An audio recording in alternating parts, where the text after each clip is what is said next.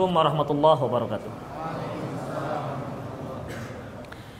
Innal hamdalillah nahmaduhu wa nasta'inuhu wa nastaghfiruh. Wa na'udzu billahi min shururi anfusina wa sayyiati a'malina. May yahdihillah fahuwal muhtad wa may yudlil falan tajida lahu waliyyan mursyida.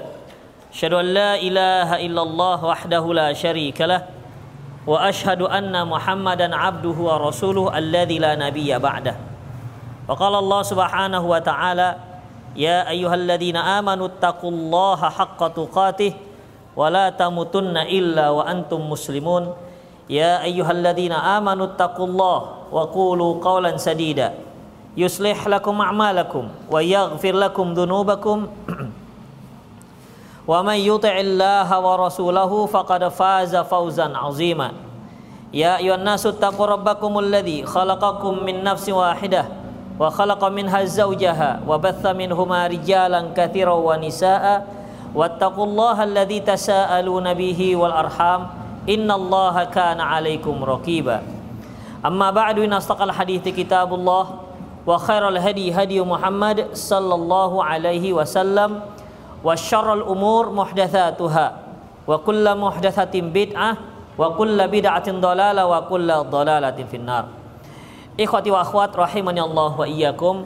Di kajian lalu uh, musannif penulis yaitu Imam Al-Bukhari rahimahullah mencantumkan kisah Jurej. Dan sebelum kisah Jurej beliau mencantumkan satu hadis yaitu tiga doa yang mustajabah. Tiga doa yang dikabulkan oleh Allah Subhanahu wa taala. Yang pertama yaitu dakwatul madlum, doanya orang yang terzolimi dakwatul musafir doanya orang musafir. Yang ketiga dakwatul walidu liwaladihi. Doanya orang tua terhadap anaknya. Baik doa buruk maupun doa baik. Kemudian Imam Al Bukhari rahimahullah mencantumkan kisah Jurej di mana Jurej adalah seorang yang ahli ibadah. Di saat itu dia sedang sholat. Di saat sedang sholat ibunya memanggil ya Jurej Kemudian terjadi kebimbangan dalam hati Jurej. Ya Allah, Allahumma ummi am salati. Ya Allah, ibuku ataukah salatku. Tapi Jurej lebih mengedepankan melanjutkan salat sunnahnya. Lantas ibunya memanggil untuk yang kedua kalinya, "Ya Jurej, hei Jurej." Ibunya tahu, ya. Ibunya tahu. Kemudian yang kedua juga demikian, sampai yang ketiga. Setelah yang ketiga ternyata Jurid tidak juga menyaut panggilan ibunya, lantas ibunya berdoa.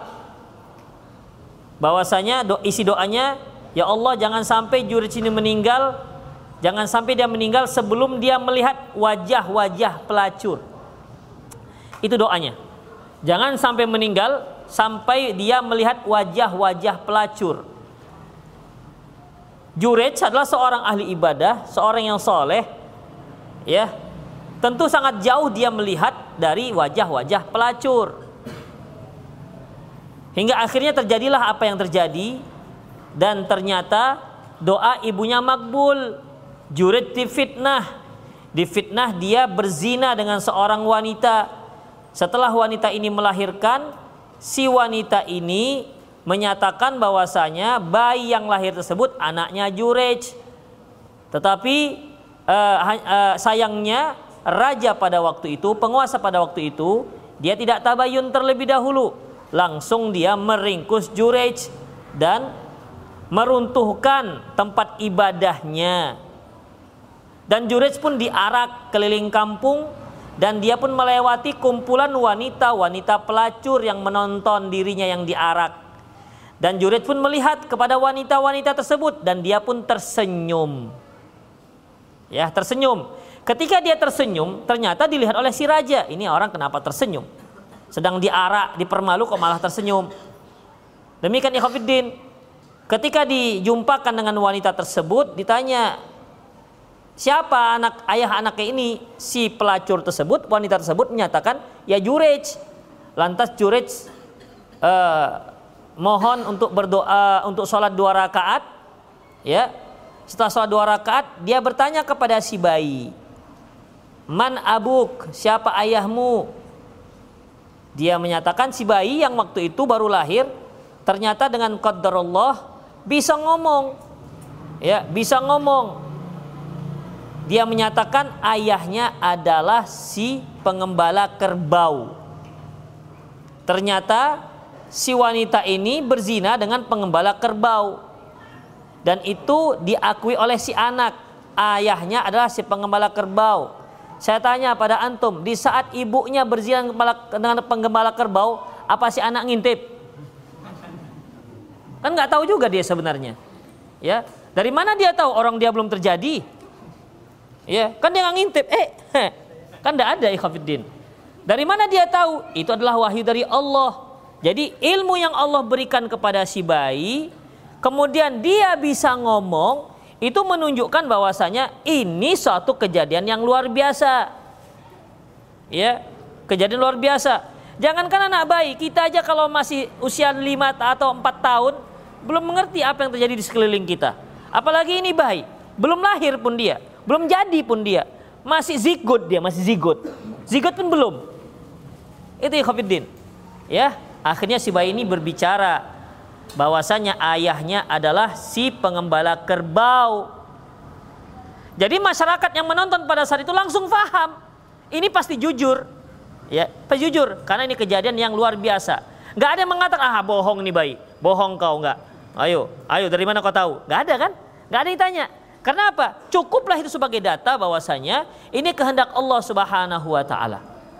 Itu merupakan salah satu bayi yang bisa ngomong di saat dia masih masih orok, masih bayi yang seharusnya tidak bisa ngomong. Ada dua bayi yang lain yang bisa ngomong. Siapa itu? Nabi Isa alaihissalam. Siapa lagi? Hah? Siapa? Ayo. Kan sudah dikasih tahu kemarin. Siapa lagi yang bisa ngomong? Ashabul Ukhdud. Ashabul Ukhdud itu tidak jelas kisahnya karena dia katakan anak kecil, anak kecil bisa saja ngomong. Siapa? Anaknya masih toh. Anaknya masih toh, riwayatnya nggak soheh. Kalau cerita-cerita gitu kan, kartun, film-film kan begitu. Ketika masih toh mau terjun, dia ragu. Kata anak bayinya, wahai umi, jangan ragu, terjun aja. Riwayatnya nggak soheh. Yang sohi yang mana? Satu lagi. Yang bisa jawab boleh pulang lah. Dah. Iya kan kita sekolah ini kan. Kan dulu kan senangnya kita kalau nggak keluar main-main atau waktu pulang, ya kan? Itu yang paling kita senangi ketika sekolah. Itu ustadz bukan kami ya. Siapa Ikhafiddin? Seorang bayi yang sedang menyusu dengan ibunya lewat seorang yang gagah naik menaiki kendaraannya. Kata si ibu Allahumma ja'al ibni mitlahu ya Allah jadikanlah anakku ini seperti dia. Si anak yang lagi ngompeng lagi nyusuin dilepasinya neneknya. Ya Allah jangan jadikan aku seperti dia. Padahal masih bayi. Kemudian lewat yang lain seorang yang sedang seorang hamba yang sedang digebukin. Artinya sedang sedang dihukum, diarak. Kata si ibu, "Ya Allah, jangan jadikan anakku seperti dia." Si anak mendengar doa ibunya seperti itu, lepas neneknya. "Ya Allah, jadikan aku seperti dia." Heran si ibu. Ya, heran si ibu. Ternyata ikhafiddin orang yang gagah perkasa itu orang yang zolim.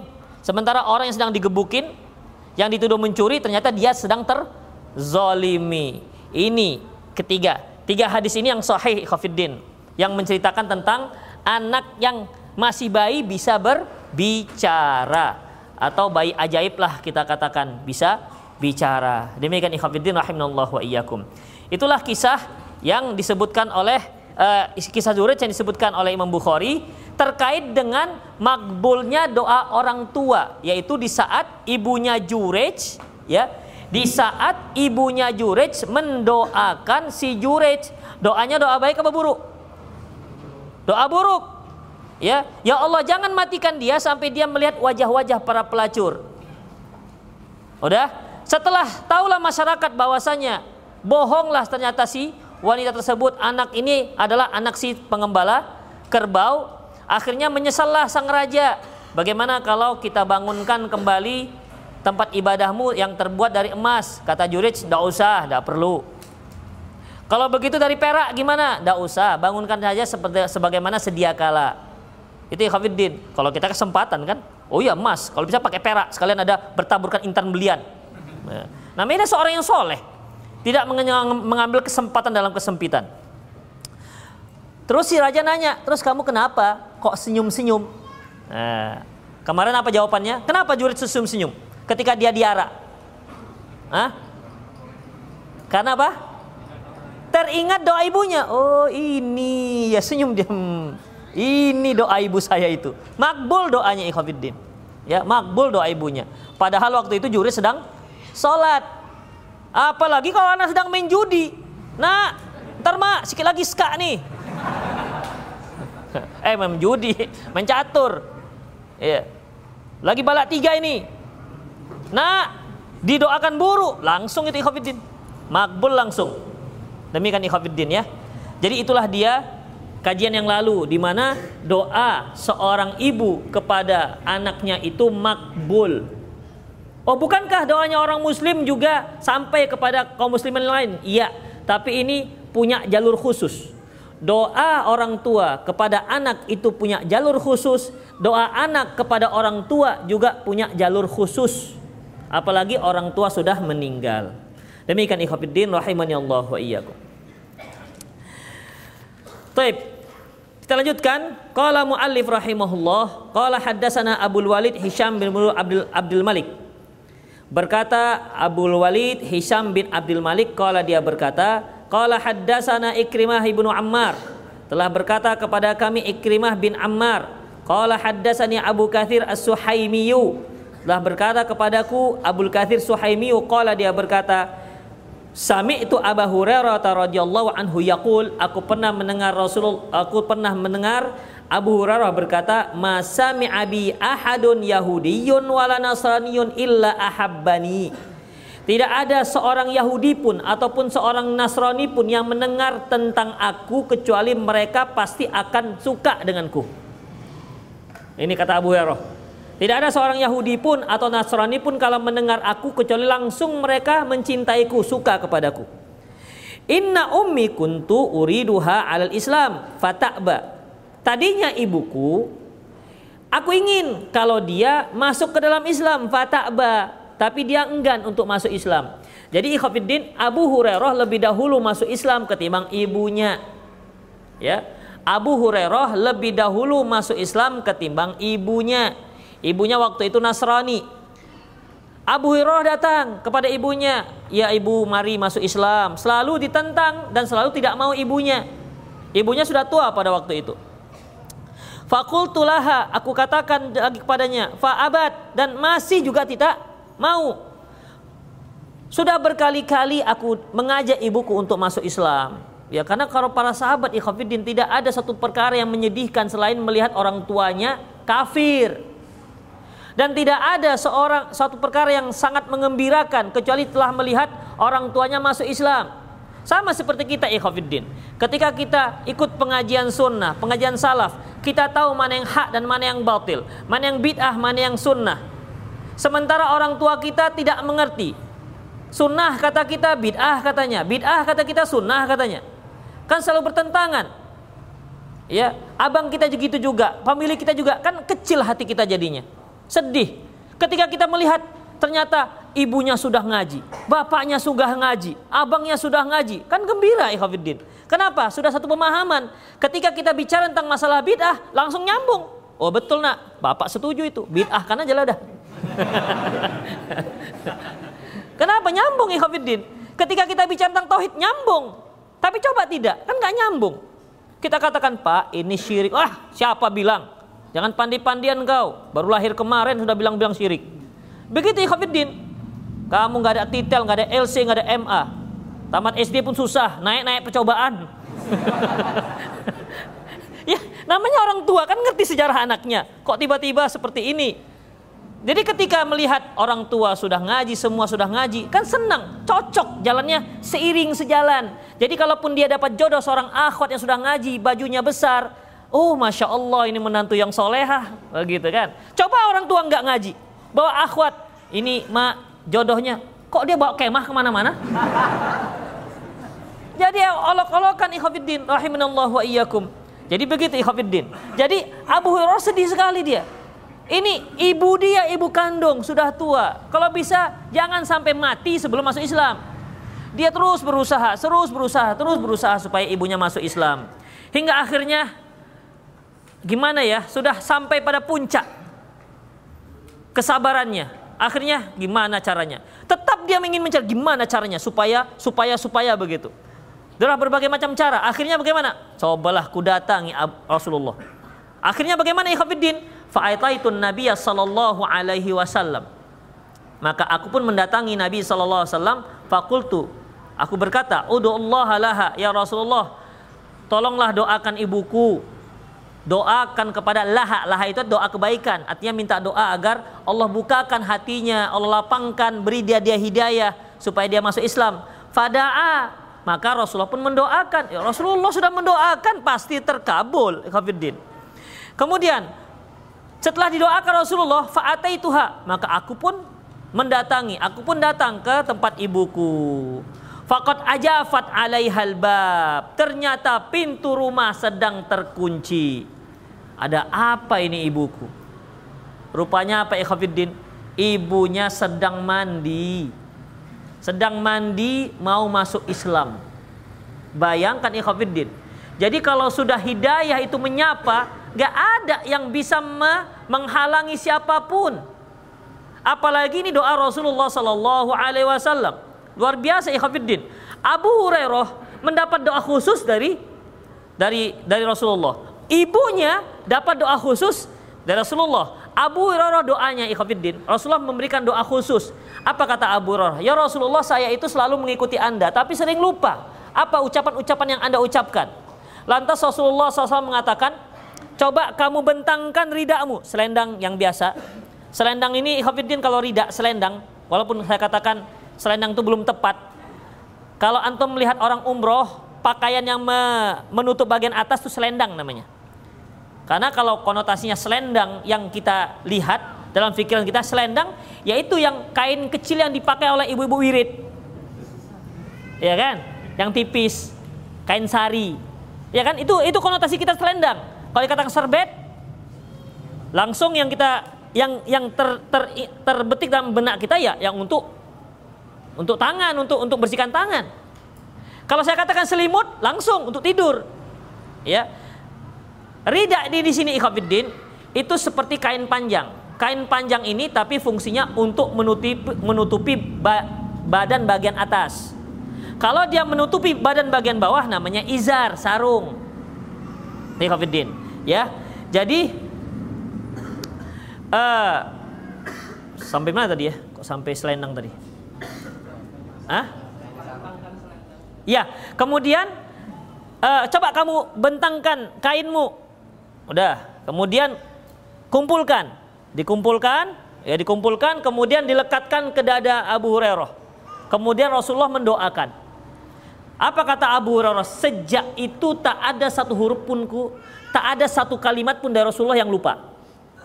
Itu ikhafir doa Rasulullah Sallallahu Alaihi Wasallam. Itu salah satu sebab mengapa hadis yang paling banyak diriwayatkan oleh di hadis yang paling banyak diriwayatkan oleh Abu Hurairah radhiyallahu anhu. Itu dia Khafiddin. Rahimani Allahu wa iyyakum. Ah, ibunya mendapat doa khusus agar masuk Islam dan makbul. Baru saja didoakan Rasulullah, langsung Abu Hurairah pulang ke rumah. Ternyata ibunya faqad ajafat alaihal bab. Ternyata pintu rumah tertutup, terkunci. Biasanya masuk begitu aja Abu Hurairah, orang rumahnya, rumah ibunya. Ya, ternyata ibunya sedang mandi, karena salah satu sunnahnya kan kalau sudah masuk Islam mandi. Demikian. Faqalat berkata ibunya, "Ya Abu Hurairah, wa ay Abu Hurairah, ini aslam tu, aku sudah masuk Islam." Ibu sudah masuk Islam. Demikian ikhwatiddin. Oh, gembiranya, riangnya luar biasa. Begitu mendengar ibunya masuk Islam, dia nggak masuk rumah lagi, langsung balik ke Rasulullah. Fa akhbartun Nabiya sallallahu alaihi wasallam.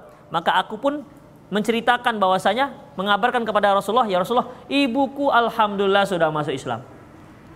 Itu ikhwatiddin. Jadi dalam hadis yang lain disebutkan bahwasanya tidak ada satu perkara yang membuat aku gembira melebihi ketika aku mendengar ibuku masuk Islam. Ibuku sudah masuk Islam. Kan sebagaimana yang kajian hadis yang telah kita baca, bagaimana kemesraan antara Abu Hurairah dan dan ibunya, ya. Kemarin ada hadis di mana kalau Abu Hurairah radhiyallahu anhu datang kepada kepada ibunya, "Assalamu alayka ya ummi." Mana dia hadisnya? Ya, nantilah. Jadi ikhwan fillah rahimallahu wa iyyakum, ya, di sini bagaimana mesranya antara Abu Hurairah dengan ibunya. Demikian ikhwan. Kemudian fakultu aku katakan lagi, "Udu Allah li wali ummi." Kalau begitu ya Rasulullah, coba doakan lagi untukku dan untuk ibu ibuku. Faqala lantas Rasulullah berdoa, Allahumma abuduka Abu Hurairah wa ummuh. Ya Allah hambamu Abu Hurairah dan ibunya faahibbahuma ilan nas. Jadikanlah mereka berdua orang-orang yang dicintai oleh masyarakat. Jadi ini makanya Abu Hurairah tadi mengatakan, "Masami abi ahadun Yahudiyun wala Nasraniyun illa ahabbani illa ahabbani. Tidak ada seorang pun yang mendengarku tentangku, yang mendengarku tentangku, baik Yahudi maupun Nasrani, kecuali mereka pasti akan suka denganku, cinta denganku, sayang denganku. Itu dikarenakan apa? Doa Rasulullah Sallallahu Alaihi Wasallam. Doa Rasulullah, ya Allah, hambamu Abu Hurairah dan ibunya, ya Allah, jadikan dia orang yang dicintai oleh masyarakat Di situlah ikhafidin, makanya tidak ada seorang pun yang mendengar Abu Hurairah kecuali dia mencintai Abu Hurairah radhiyallahu anhu. Baik Yahudi maupun Nasrani. Yang busuk dan yang benci dengan Abu Hurairah itu hanya orang Syiah. Lebih parah ketimbang Yahudi dan ketimbang Nasrani. Jelas-jelas menentang doa Rasulullah sallallahu alaihi wasallam. Orang Yahudi saja suka dengan Abu Hurairah. Nasrani suka dengan Abu Hurairah. Orang Syiah tak suka. Ada apa di balik ini? Ini sudah menjelas menunjukkan bahwasanya orang Syiah itu bukan Islam, ikhafidin. Rahimani Allah wa iyyakum. Taib. Ada beberapa faedah yang bisa kita ambil dari hadis ini. Di antaranya ikhafidin. Berdakwah dengan orang tua, berdakwah dengan orang tua sesuaikan dengan kondisinya.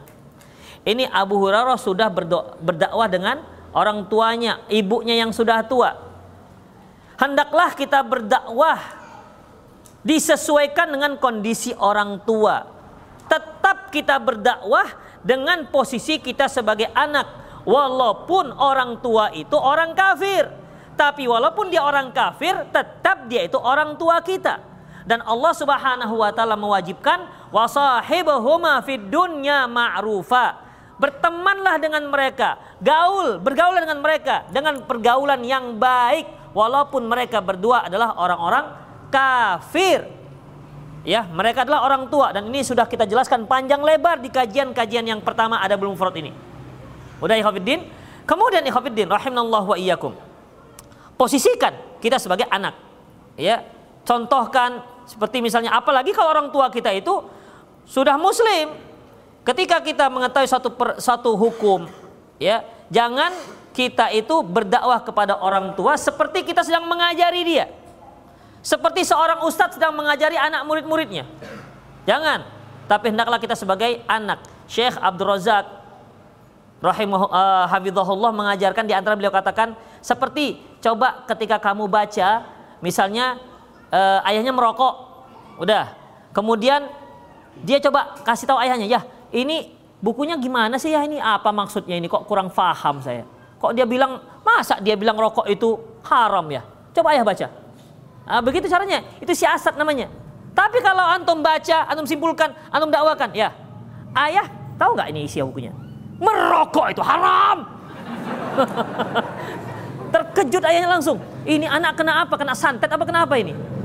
Haram. Ini dalil-dalilnya ayah baca tuh pikirkan ya sebelum mati. Itu bahaya ya Itu akan ditolak oleh orang tua. Coba kita itu sebagai anak ya apa masa dia dia katakan alkohol haram ya? Coba ya, coba ya baca.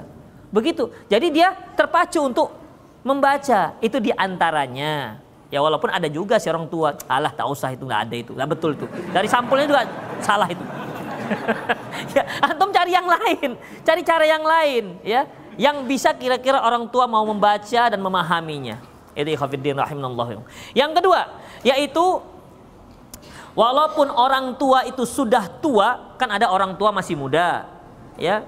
Ada orang tua itu yang sudah tua. Bukan berarti kalau sudah tua Gak usah lah lagi dakwah orang tua, ada bawa tanah Ustaz. Terlagi mati dia, biarkan aja lah. Biar mati dalam kebidahannya. Ya ilah illallah. Tega-teganya.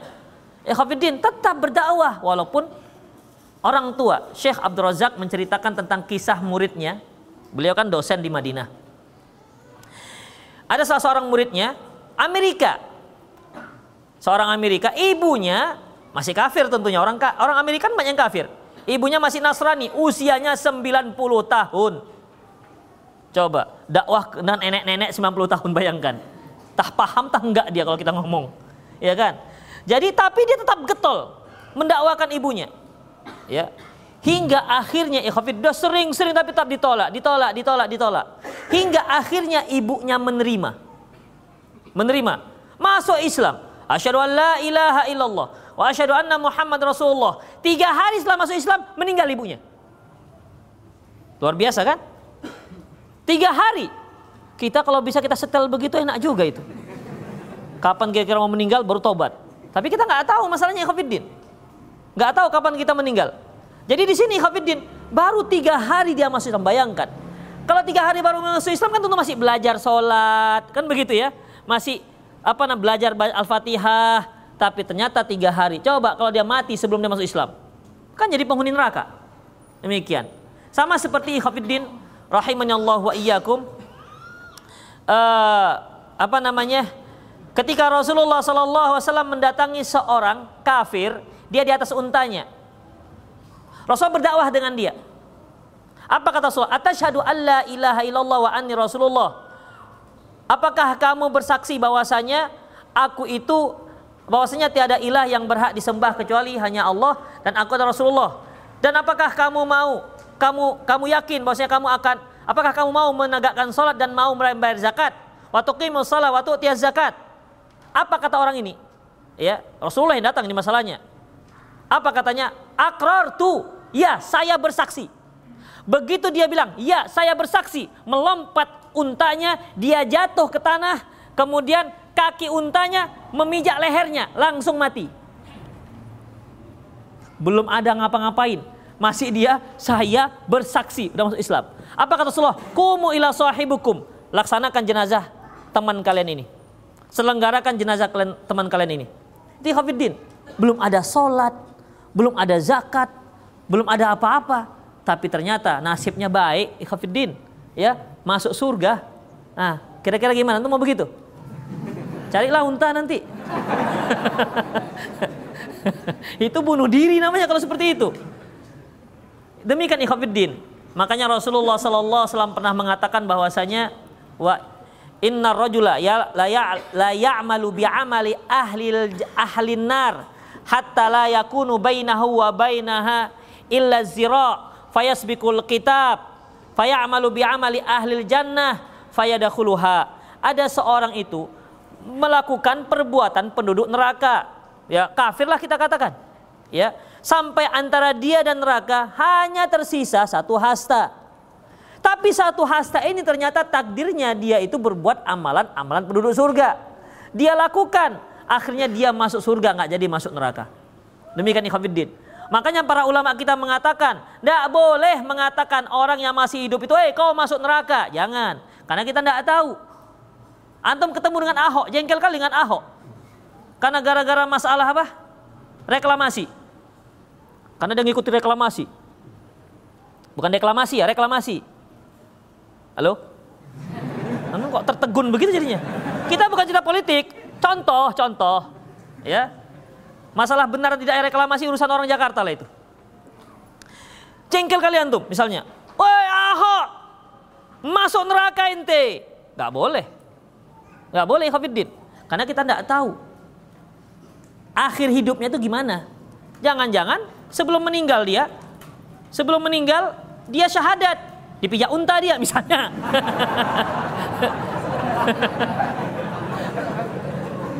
misalnya masuk surga. Demikian ikhafidin. Tapi kalau antum katakan dia tuh kafir, boleh karena memang posisinya sedang kah? kafir. Itu ikhafidin rahimani Allah wa iyyakum.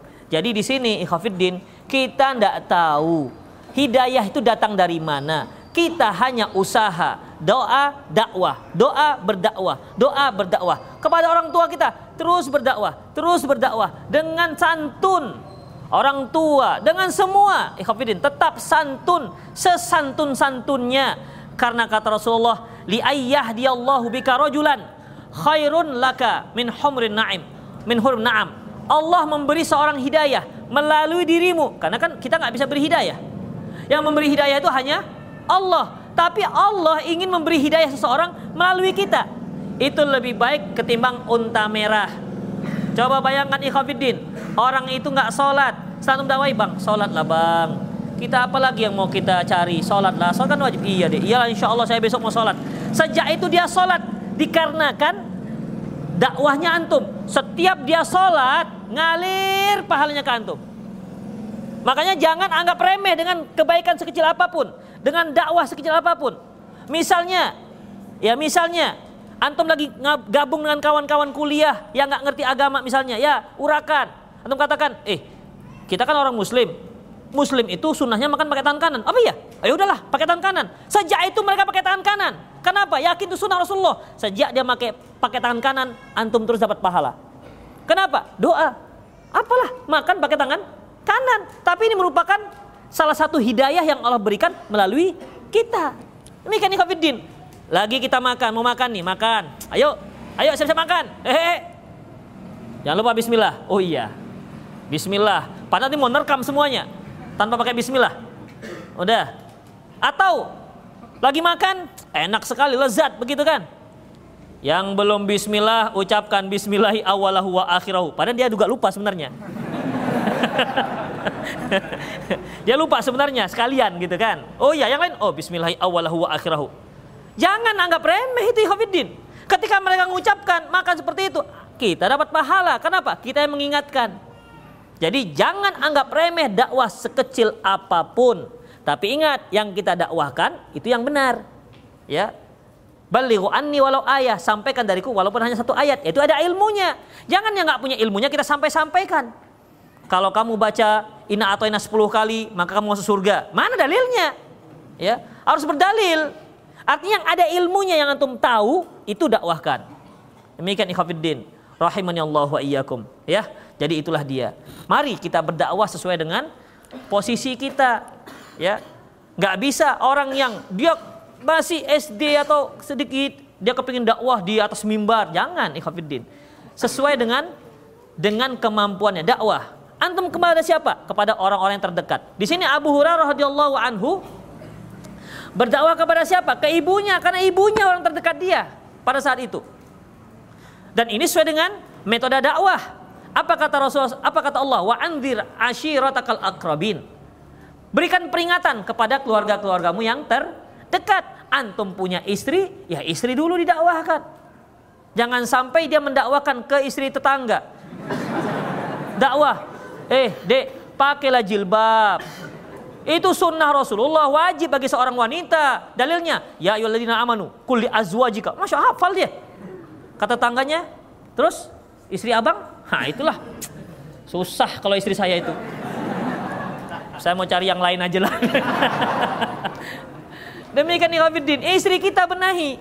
Karena terkait itu semua, itu juga salah satu apa namanya menajamkan dakwah kita. Coba bayangkan kalau seorang ustadz, hai orang-orang muslimah, pakailah jilbab kalian, sementara istrinya pakai rok rok mini.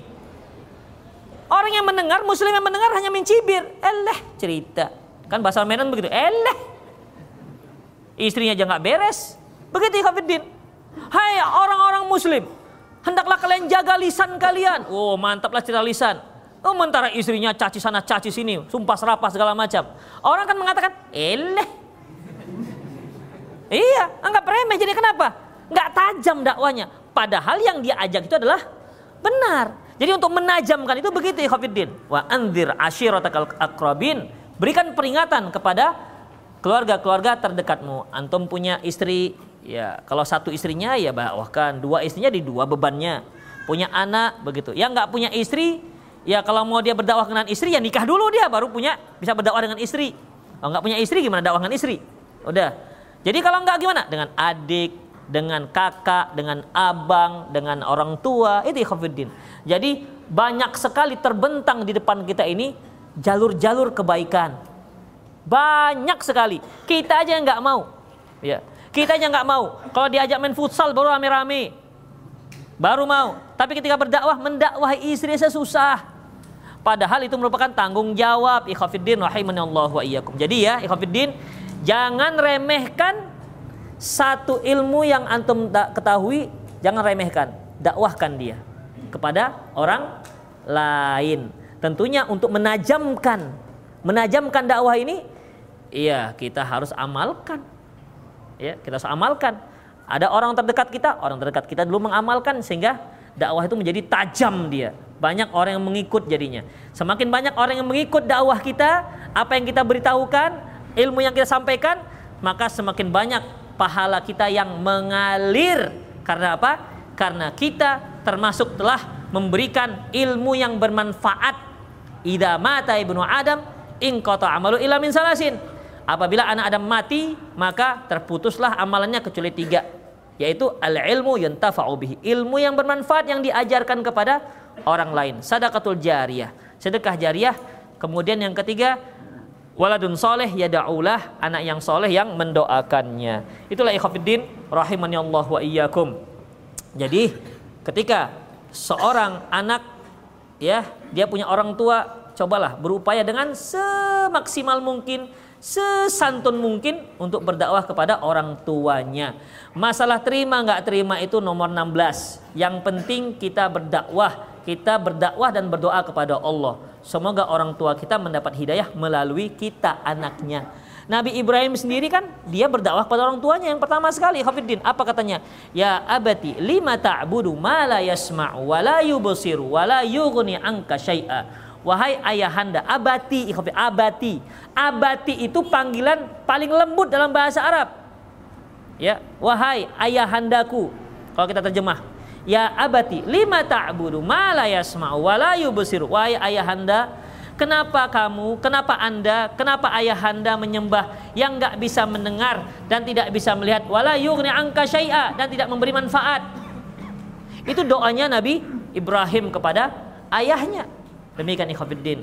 Semoga kita dapat mengamalkan semua apa yang kita dengar dan semoga bisa kita dakwahkan kepada orang-orang tua kita ya dan semoga Allah Subhanahu wa taala memberikan kita kesantunan akhlak terutama kepada orang tua. Jangan sampai ilmu yang kita dapati malah membuat kita takabur di hadapan orang tua. Memang benar apa yang dia ketahui, tapi ikhafiddin kita ingin ilmu yang berkah tersebut ya membuat kita semakin santun dengan orang tua kita sebagaimana Abu Hurairah terhadap ibunya sebagaimana Nabi Ibrahim terhadap ayahnya tetap santun walaupun orang-orang tua mereka adalah orang-orang kafir. Apalagi orang tua kita, saya yakin semua orang tua kita ini masih orang-orang yang muslim.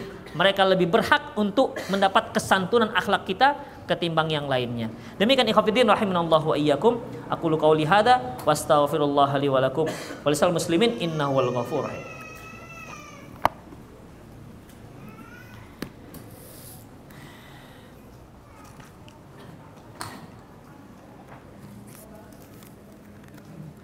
Ustadz dalam waktu dekat sepupu saya sepupu saya akan menikah dan saya diminta untuk menjadi panitia pernikahannya. Bagaimana hukumnya? Ya boleh nggak ada masalah. Nikah walimah itu kan sunnah Rasulullah Sallallahu Alaihi. Apa kata beliau? Aulim walau bisyatin. Adakan walimatul urus walaupun hanya dengan menyembelih seekor kambing jadi kalau waktu zaman zaman Rasulullah walimah itu pakai kambing itu walau kalau walaupun ya. Aulim perintah aulim walau bisyatin. Walimahlah walaupun hanya dengan seekor kambing. Jadi itu merupakan perintah Rasulullah SAW dan itu juga merupakan sebagai pengumuman bahwasanya setelah menjalin menjalin pernikahan antara fulan dan fulanah. Itu ikhafiddin. Ya, sehingga dalam walimah itu dibolehkan menabuh rebana. Menabuhkan mengumandangkan syair-syair sebagai pengumuman. Jadi jangan buat tenda kemudian di dalamnya diam aja sehingga nggak bisa dibedakan mana yang takziah mana yang walimah. Harus ada bising-bisingnya ikhafiddin. Harus ada bising-bisingnya. Itulah menandakan walimah. Oh, ada walimah gitu. Ada bisingnya. Tapi kau tenang. Apalagi Allahu Akbar. Subhanallah. Subhanallah. Isinya subhanallah, subhanallah. ini takziah ini. Demikian ikhwatiddin ya. Jadi silakan. Yang nggak boleh itu bukan walimahnya. Isi walimahnya itu kalau ada yang bentuk maksiat. Seperti dangdut koplo di situ. Ya, berarti nggak boleh. Walimahnya nggak ada masalah disunahkan. Ya, walimah disunahkan acara-acara tambahan yang tidak termasuk dalam Islam itu yang membuat yang mengotori walimah itu yang nggak dibolehkan. Misalnya, antum tunjuk sebagai panitia. Panitia sebagai mana? Panitia penyedia keyboard dan pentasnya serta biduannya. Baru jangan. Ya. Dan ini kalau memang kita jadikan panitia, diberi hak prerogatif, bagus lagi. Saya yang ngatur, Bang. Iya. Pokoknya atur saja terserahmu. Saya atur sesuai dengan syariat. Iya, silahkan. Oh lebih bagus lagi Hafiddin kita atur secara syariat. Kita pisahkan antara laki-laki dan perempuan. Ya, tidak ada yang namanya ikhtilat, tidak ada yang namanya musik-musik. Yang ada hanya tabuhan rebana. Kita syar'i mungkin itu menjadi percontohan. Sehingga yang datang pun makan dengan nyaman. Ini kita ikhwafiddin datang walimah, kemudian keyboardnya, ributnya bising luar biasa. Kita makan sambil kebisingan, ngomong dengan teman sebe teman sebelah kita baru ketemu, kamu dari mana? Dari sana. Itu gara-gara gara-gara keyboard bising dibuatnya. Sebelah semejanya. Padahal kan ketemu dengan kawan kadang-kadang jarang jumpa, ketemu ketika walimah. Kadang-kadang kan orang ini memang dia cari-cari waktu yang paling yang paling bagus gitu. Walimah itu waktu yang paling bagus tuh datang karena perbaikan gizi. dia datang Begitu datang, eh ketemu Masya Allah ke mana saja udah lama nggak taklim. Iya kalau walimah saya, saya spesialis walimah ini misalnya. bisa ngomong, bisa ngobrol. Tapi kalau bising dengan musik-musik yang nggak jelas itu Ikhwanuddin, gimana kita bisa bicara, bersilaturahmi, berkomunikasi? Tapi yang anehnya, orang bisa nyaman seperti itu. Saya pun heran, itu telinga taruh apa? Itulah Ikhwanuddin, ya. Jadi bagus kalau antum di, di apa dijadikan sebagai panitia dengan catatan panitia yang syar'i akhwat. Banyak kali akhwatnya. Ustadz, tadi Ustadz katakan dakwah ke keluarga terdekat seperti dari suami ke istri. Bagaimana jika suami tidak berdakwah kepada istrinya padahal dia sudah lama taklim? Bahkan istrinya sering menasihati, memberikan nasihat atau berdakwah kepada suaminya. Tapi suaminya tak suka menerima nasihat. Bagaimana penjelasannya Ikhafiddin? Pak Ustadz, ini curhat ini. Ikhafiddin, Terkadang ada orang yang sudah ikut taklim itu tak pandai menyampaikan. Ya, tak pandai menyampaikan. Istri dengar sedikit pandai menyampaikan. Ya, pandai menyampaikan. Oleh karena itu antara suami dan istri, antara suami dan istri itu hendaklah saling mendukung, saling membahu, saling bahu membahu ringan sama dijinjing, berat jinjing masing-masing. Supaya berbagi tugas. Ya kan? Jadi ketika si istri, ini abangnya sudah lama ngaji, tapi kok nggak pernah dia ngajak istrinya, begitu. Istrinya nggak ngaji-ngaji, nggak tahu dia dari mana ngajinya. Oh Ustadz dari YouTube, kan gitu syekh kan banyak, syekh YouTube, syekh Google. Jadi dari situ, bang, kalau yang saya lihat dari video Ustadz ini, ini nggak boleh bang. Oh ya dia, ya sudah, nggak apa-apa ya Khafiddin. Itukah itu merupakan watawasobil hak, watawasobis sabar. Saling nasihat menasihati dalam kesabaran dan saling menasihati dalam dalam kebenaran. Tapi Ustadz, kalau saya nasihati suami saya, dia malah marah-marah. Itu takabur namanya. Berarti dia hadir di majelis taklim itu hanya jasadnya saja, fikirnya enggak, enggak memahami apa yang sedang dia dengar. Rasulullah sallallahu alaihi wasallam mengatakan, "La yadkhul jannah man fi qalbihi habbatin minal kibr." Tidak akan masuk surga yang hatinya ada kesombongan, takabur walaupun hanya sebesar biji sawi. Seorang laki-laki mengatakan, "Ya Rasulullah, Inna rajulan yuhibbu ayyakuna na'lahu hasanan wa thiyabahu hasanan. Ya Rasulullah bagaimana kalau ada seorang suka kalau sendal dan bajunya itu baik, bagus, selalu bagus. Kata Rasulullah, al-kibru yang dikatakan sombong itu adalah ghamtun nas wa batarul haq. Meremehkan manusia dan menolak kebenaran. Menolak kebenaran itu merupakan hasil dari meremehkan manusia. Mengapa iblis tidak mau menerima perintah Allah untuk sujud kepada Adam? Karena dia meremehkan Adam. Ah, dari tanah pula aku pula sujud kepada dia. Aku dari api, dia dari tanah. Dia anggapnya remeh. Dia menganggap remeh Nabi Adam, gak layak dia sujud pada Nabi Adam. Sampai-sampai karena dia menganggap remeh terhadap Nabi Adam, dia tolak perintah Allah Subhanahu wa taala. Makanya ikhwatiddin, orang yang menolak kebenaran itu umumnya akibat meremehkan orang yang menyampaikan. Ya, seorang suami yang rajin ngaji, ketika istrinya menasihati, nasihati secara umum, "Bang, Bang, itu sudah adzan bang, pergilah ke masjid. Sementara suaminya asik mencatur aja. Ada gini Hafidin, ngaji-ngaji, catur-catur, rokok-rokok, jalan terus. Sudah enam tahun ngaji, tapi rokok jalan terus, ngepul terus di rumah. Ada ada rumah, ruang rahasia dia. Iya, nggak tahu orang. Ada cerobong asap ke atas. Jalan terus, maksiatnya jalan terus. Ah, Kan yang namanya sholat di awal waktu ke masjid itu kan nggak pakai ngaji umumnya orang tahu, istri juga tahu, bang. Pergilah, itu udah adzan, udahlah jangan mencatur lagi. Kau ini tahu apa? Nggak pernah ngaji. Wah kan begitu, mantap. Nggak pernah ngaji. Aku ini udah ngaji dengan Ustadz Ali tiga tahun. Begitu. Padahal saya nggak pernah nyuruh dia seperti itu. Jadi khafidin rahimanallah wa iyyakum, itu namanya takabur. Dia menolak apa yang dikatakan istrinya. Menolak. Kenapa? Menganggap remeh istrinya. Ini ikhwafiddin dikhawatirkan gak masuk surga. Makanya bertakwalah bagi para suami kalau para istri memberikan kebenaran, memberikan nasihat, terimalah. Ala roksi wal ain bilang, ya, ya wahai istriku tercinta, saya hormati ini atas kepala dan hidung saya, kepala dan mata saya. Itu ungkapan orang Arab kalau dia menghormati ucapan orang lain. Terimalah dia ikhwafiddin ya terimalah dia. Lihat apa yang dia ucapkan.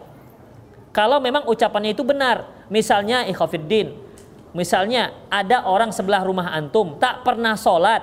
Dia selalu melihat antum kalau sudah adan selalu sholat. Kali ini main catur di teras. Udah adan tidak juga berhenti main catur karena dia lihat antum selalu ke masjid dia katakan bang udahlah main caturnya bang itu pergi ke masjid biasanya kan abang ke masjid ah tahu tahu apa kau aja nggak sholat Gak usah suruh-suruh aku sholat, begitu. Memang dia nggak sholat, tapi apa yang dia ucapkan benar. Itu ikhwafiddin. Apa yang dia ucapkan benar. Makanya jangan tolak kebenaran dari siapa pun dia. Walaupun dia dari istri kita, walaupun dia dari anak kecil kita sendiri. Lagi makan, bi, masa makannya pakai tangan kiri? Oh iya begitu. Ya, jazakallah khairan. Begitu, harus begitu. Diingatkan oleh anak. Jangan, kau tahu apa? Tahu mana kiri kanan? Coba. Anak bayi di gitu kan, iya mana ya pak kiri kanannya? Jadi bingung dia mana kiri kanan. Demikian ikhwafiddin. Jadi tidak boleh men menolak kebenaran dari siapa pun. Itu kalau kita tahu itu benar. Ya, kadang-kadang inilah alasan juga dijadikan ngaji ke mana-mana terserah. Yang penting yang benar ambil. Itu kan foto yang benar. Kalau nggak tahu yang benar gimana? Jadi itu permasalahan ikhwafiddin. Ustadz saya pernah menghadiri majlis taklim lingkungan perumahan saya setelah selesai kami berdoa bersama apakah saya boleh ikut mengangkat tangan dalam doa bersama Ikhwafiddin, doa bersama itu tidak ada disunahkan kalau dilakukan secara seremonial. Tapi kalau nggak seremonial misalnya antum bertemu teman antum, antum sehat ya? Alhamdulillah, alhamdulillah semoga Allah senantiasa memberi antum kesehatan. Amin bilang. Tapi kalau yuk kita mau doa, sebentar lagi kita doa, yuk angkat tangan, satu, dua, tiga, yuk kemudian. Berarti kan Ikhwafiddin uh, itu kan namanya ada acara dikhususkan, apalagi selalu dikaitkan dengan satu event. Selalu dilakukan. Setiap habis taklim doa bersama, setiap habis sholat doa bersama. Itu itu tidak ada sunnahnya. Oh berarti nggak boleh kami berdoa habis taklim. Oh masya Allah doa.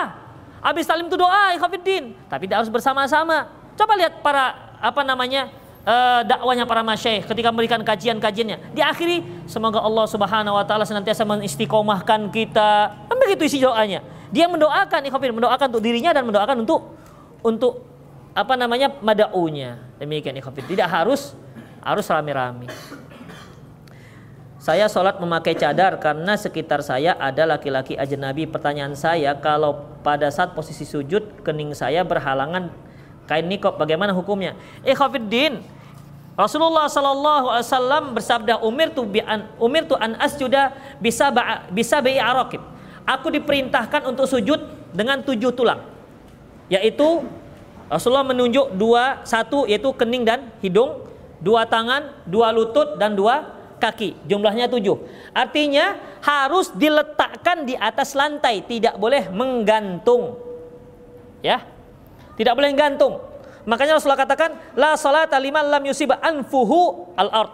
Tidak sah salat seorang yang hidungnya tidak terkena lantai, artinya gantung.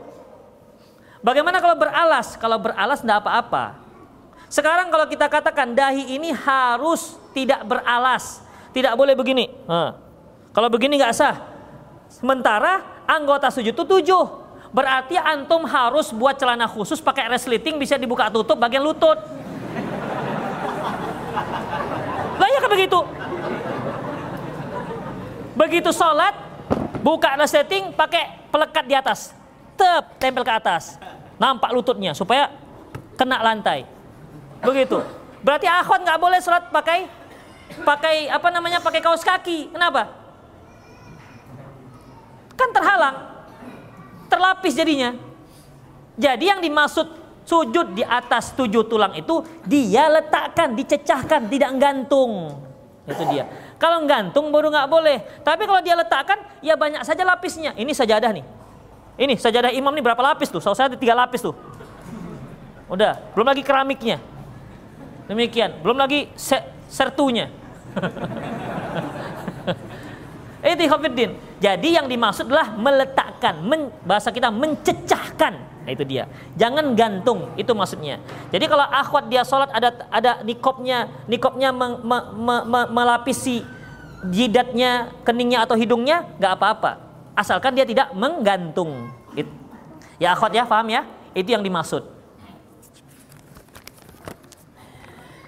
Ustadz, bagaimana sejarah perkembangan zikir dan doa bersama setelah sholat seperti yang kita teh nggak tahu saya gimana zikir. sejarah pula, masya Allah. Gak ngerti kalau saya sejarah sejarah ini. Saya taunya hadis begitu, sejarahnya nggak tahu perkembangan dari Rasulullah sampai sampai ke masa sesat-sesat begitu, nggak tahu saya kalau itu. Ustadz, apa yang harus saya lakukan ketika emosi saya tidak naik? Ketika ibu saya memarahi saya, loh bagus dong emosi saya tidak naik. Yang masalah kan kalau antum, ibu antum marah, emosi antum naik. Itu yang masalah. Ini bagus. Ini salah pertanyaan kali ini. Baik, bagus itu, nggak perlu nggak perlu ditanyakan lagi. Kalau ibu antum marah, antum jangan marah. Kalau antum ada keinginan untuk marah, upayakan jangan marah karena antum tidak hak untuk memarahi orang tua. Kalau ibu antum marah sudah, iya bu, maafkan, maafkan gitu. Ampun bu, ya bu, gitu aja udah. Ya, kamu nakal, iya ma, maaf, maaf, gitulah. Nggih, nggih, gitu aja udah.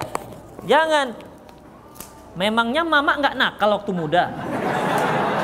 Kadang-kadang anak begitu, Khafidin. Ada yang begitu.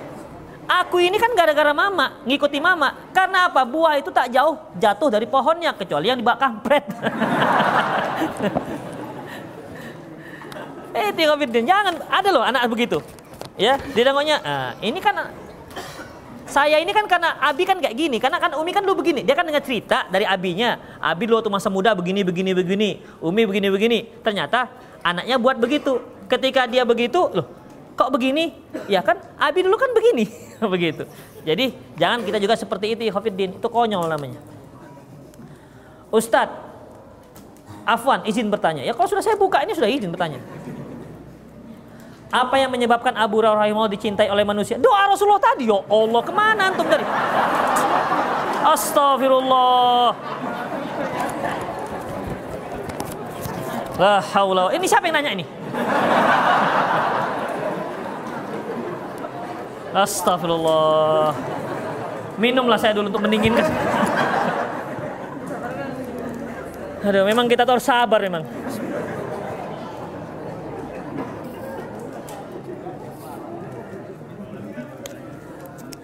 Sudah jelas tadi hadisnya Rasulullah mendoakan. Apa sebabnya katanya? Ya, semoga antum dapat hidayah. Ustadz, apakah boleh seorang istri meluruskan rambutnya untuk suaminya padahal itu tidak baik karena dapat merusak rambut? Ya jangan. Kalau sesu kalau sesuatu yang kalau sesuatu yang mudorot nggak boleh lah dororo wala diror. Sesuatu yang memudorotkan itu nggak baik ikhafiddin, nggak dibolehkan dalam dalam Islam. Misalnya istrinya uh, wajahnya agak bulat. Sementara sang suami karena kebanyakan nonton artis kepinginnya wajah istrinya supaya tirus. Ini dek rahangnya harus dioperasi ini. supaya jadi tirus. Kemudian taruhkan silikon di dagu supaya agak seperti nenek sihir begitu. Ya, itu membutuhkan nggak boleh Khafiddin. Di samping itu juga me, merubah-rubah ciptaan Allah Subhanahu wa taala. Ini satu sama apanya? Tulisannya. Jadi satu aja samping. Ustadz, apakah saya termasuk pemakan riba bila saya mengajar seorang yang orang tuanya bekerja tempat ribawi enggak enggak ini satu tulisan apakah ada seorang yang apakah ada seseorang yang bingung apakah dia sudah siap atau belum untuk menikah lalu bagaimana solusinya Ustadz apabila ada seorang yang bingung apakah dia sudah siap menikah atau tidak Lalu bagaimana solusinya Ustadz? Oh iya. Dia aja bingung apalagi kita.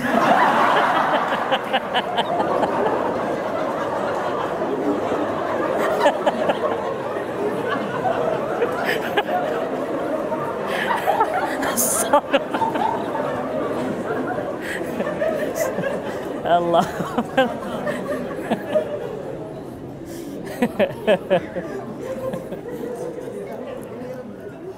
Ikhafiddin. Allah menyebutkan balil insanu ala nafsihi basirah. Manusia itu terhadap dirinya lebih tahu. Jadi kalau antum bingung, apalagi saya. Jadi bagaimana solusinya? Ya paling tidak cobalah bertanya dengan kawan yang sudah pernah menikah, ya. Atau tanya pada ustadznya. Tentu kan akan ada interview di situ. Kenapa? Apa sebabnya merasa belum siap menikah? Itu Khafiddin. Ini sebenarnya bukan bingung, hanya hanya tidak tahu arah saja sebenarnya. Ya sama, bingung juga namanya ya. itu Khafiddin. Kadang-kadang ada satu masalah itu sederhana. Saya sering menghadapi masalah anak-anak muda ini, juga orang tua, juga orang-orang sudah berkeluarga. Bingung deh ini gimana saat begini gini gini. Loh, kan mudah, Bu. Begini caranya. Oh iya ya. Jadi di saat orang sedang kalut, itu bisa semua jalan itu terlihat buntu. Padahal solusinya mudah. Itu Khafiddin. Tapi ada satu solusi ikhafiddin. Apa itu takwa kepada Allah? Wa may yattaqillaha yaj'al lahu. Barang siapa yang bertakwa kepada Allah akan diberi jalan keluar. Jadi dia nggak bingung. Kalau dia merasa bingung, ya Allah, saya ini sudah siap nggak ya menikah? Sujud, sholat kepada Allah, mohon kepada Allah. Insya Allah ada solusinya.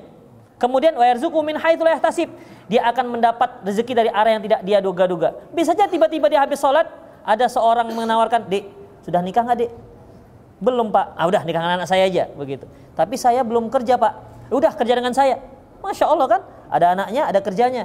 Gajinya berapa? Pokoknya gajinya besar lah, nggak masalah. Gitu ya, seperti Nabi Musa alaihissalam. Iya kan? Dia menikah dengan dengan seorang wanita. Bagaimana pendapatannya? Dengan cara mengembala kambing 8 tahun. Itu Hafiddin. Jadi dia mengembala kambing Ya, itulah tugasnya. Di situ juga dia cari nafkahnya, memberikan anak istrinya.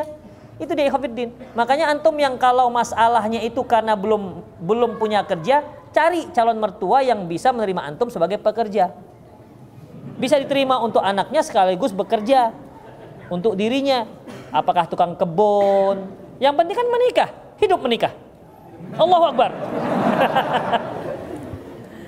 itu ya. Jadi coba dia konsultasi dengan temannya, dengan yang sudah pengalaman. Karena memang seorang itu kalau dia sudah sampai usia menikah, terkadang dia bingung.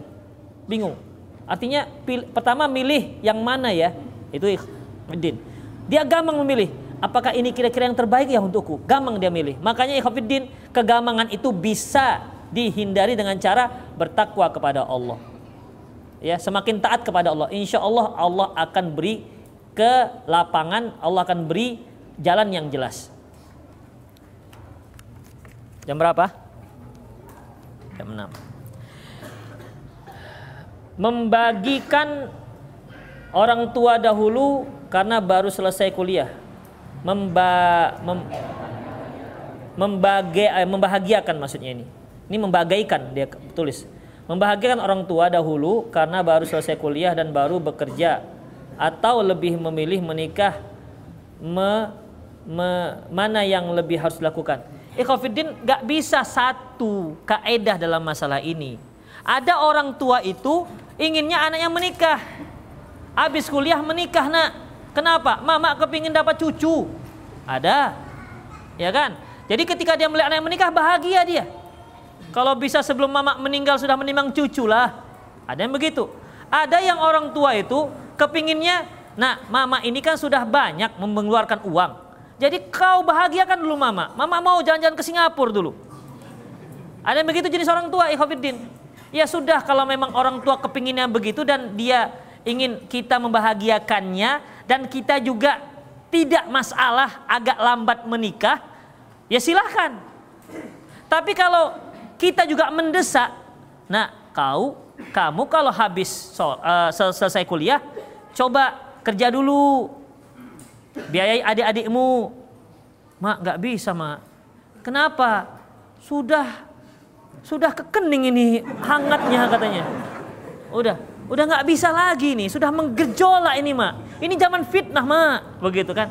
Betulnya itu Betul mak, ya sudahlah kawinlah kau.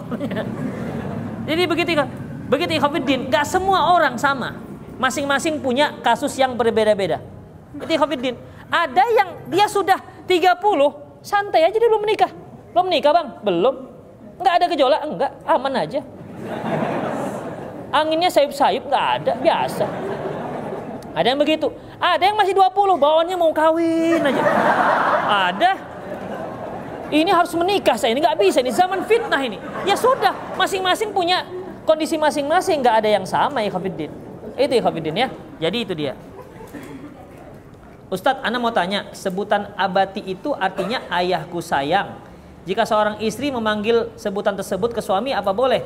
Enggak, ini untuk anak, untuk anak ke ayah, ayahanda, ya ayahanda, anak ke ke apa namanya ke ke ayah kalau istri ke suami, ya habibati. Itu dia.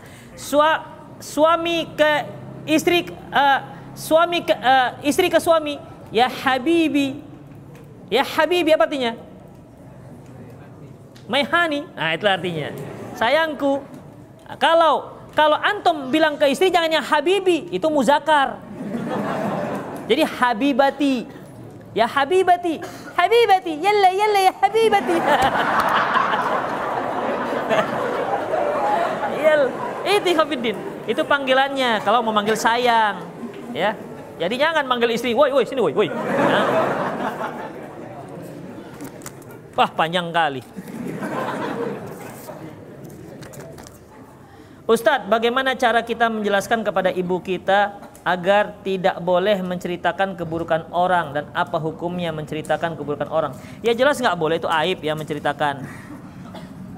Itu merupakan ghibah. Allah mengibaratkan seperti makan bangkai teman sendiri. Ya antum bisa pelan-pelan memberitahu orang tua kalau bisa ada buku, ada artikel, coba minta uh, orang tua kita membacakan atau diam-diam antum setelkan MP3 kajian tentang masalah ghibah, ya kan? Gibah bagaimana? Ya antum putarkan saja mana tahu ibu antum sambil sambil dia masak sambil dengar. Walaupun dia nggak ingin kan terdengar juga. Demikian. Intinya pakailah dengan segala cara dengan yang paling santun dengan harapan semoga orang tua kita itu bisa menerima kebaikan ataupun hidayah yang kita kita inginkan. Ada seorang ikhwan yang pernah berjanji akan mengkhidbah ana. Berarti ananya ini ini nama ya? Ana ini. Berarti ini akhwat ini. Ada seorang ikhwan yang pernah berjanji akan mengkhidbah anak, tetapi ikhwan tersebut kemudian tidak menjadi tidak jadi mengkhidbah anak. Apa hukum janji yang dia ucapkan Ustadz? Antum ini gimana? Kalau antum tidak bisa menepati janji, jangan berjanji. Jangan berjanji. Ya, jangan berikan dia fata morgana ikhwatiddin. Ya. jangan berikan. Jadi ikhwatiddin, apa hukumnya? Sekarang saya tanya ke antum nih. Uh, Sabtu depan kita mulai kajian jam habis asar tepat atau kita selesai kajian jam 6 lewat 15. Udah. Sabtu depan saya katakan, aduh saya ini ada ada ada ada urusan jam 6 aja ya, nggak jadi jam 6.15. Salah nggak saya? Membatalkan janji saya. Nggak mengingkari, tapi saya batalkan. Misalnya, besok kita jumpa ya jam sekian. Malam saya katakan, aduh seperti saya nggak bisa loh besok. Besok saya nggak bisa. Batal ya. Boleh nggak? Boleh.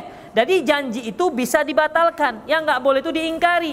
Sudah janji dia jam 10 datang. Kita yang menunggu sudah putih mata menunggu jam 10. 10 lewat 10. 10 lewat 20. Kan sangat lama itu Ikhwanuddin. Setiap detik yang bergulir itu terasa lambat. Seharusnya kan tek tek tek. Ini detiknya. Tek. Tek. Begitu. Namanya juga menunggu. Perbuatan yang sangat membosankan. Udah. Itu baru nggak boleh.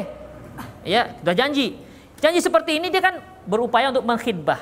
Dia kan juga nggak sebutkan kapan.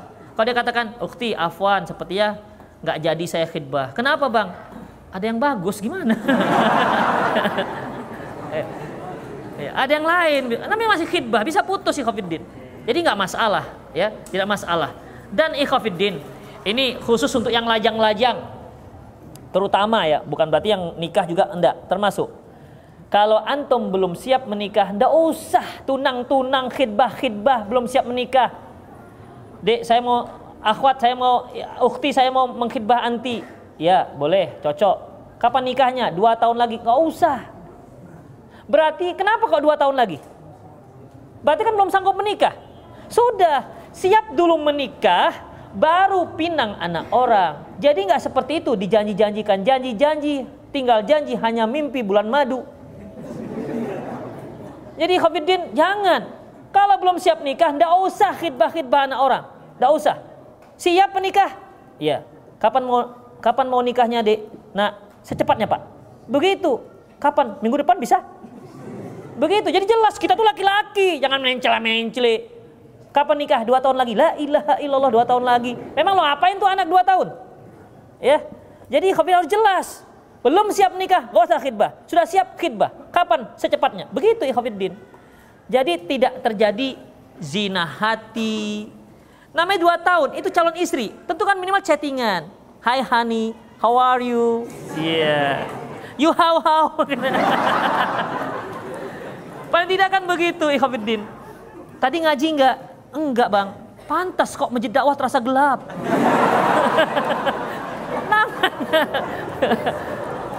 Iya, entah kapan mati udah terang, tapi begitulah ikhwatiddin. Ya, akan masuk setan di situ. Namanya juga calon istri, padahal belum tentu jadi istri. Jadi ndak usah, ndak usah, ndak usah khidbah, khidbah. Kalau antum belum siap, sudah siap nikah, cari cocok langsung menikah. Jadi tidak ada yang namanya zina hati, zina yang lain-lainnya. Itulah ikhwatiddin rahimanallahu iyyakum semoga bermanfaat. Lebih dan kurang mohon maaf. Aku lu qauli hadza wa astaghfirullah li wa lakum wa lisal muslimin innahu ghafurur rahim. Kita akhiri dengan doa kafir majlis subhanakallahumma wa bihamdik asyhadu an la ilaha illa anta astaghfiruka wa atubu ilaik. Wa akhiru da'wana alhamdulillahi alamin. Assalamualaikum warahmatullahi wabarakatuh.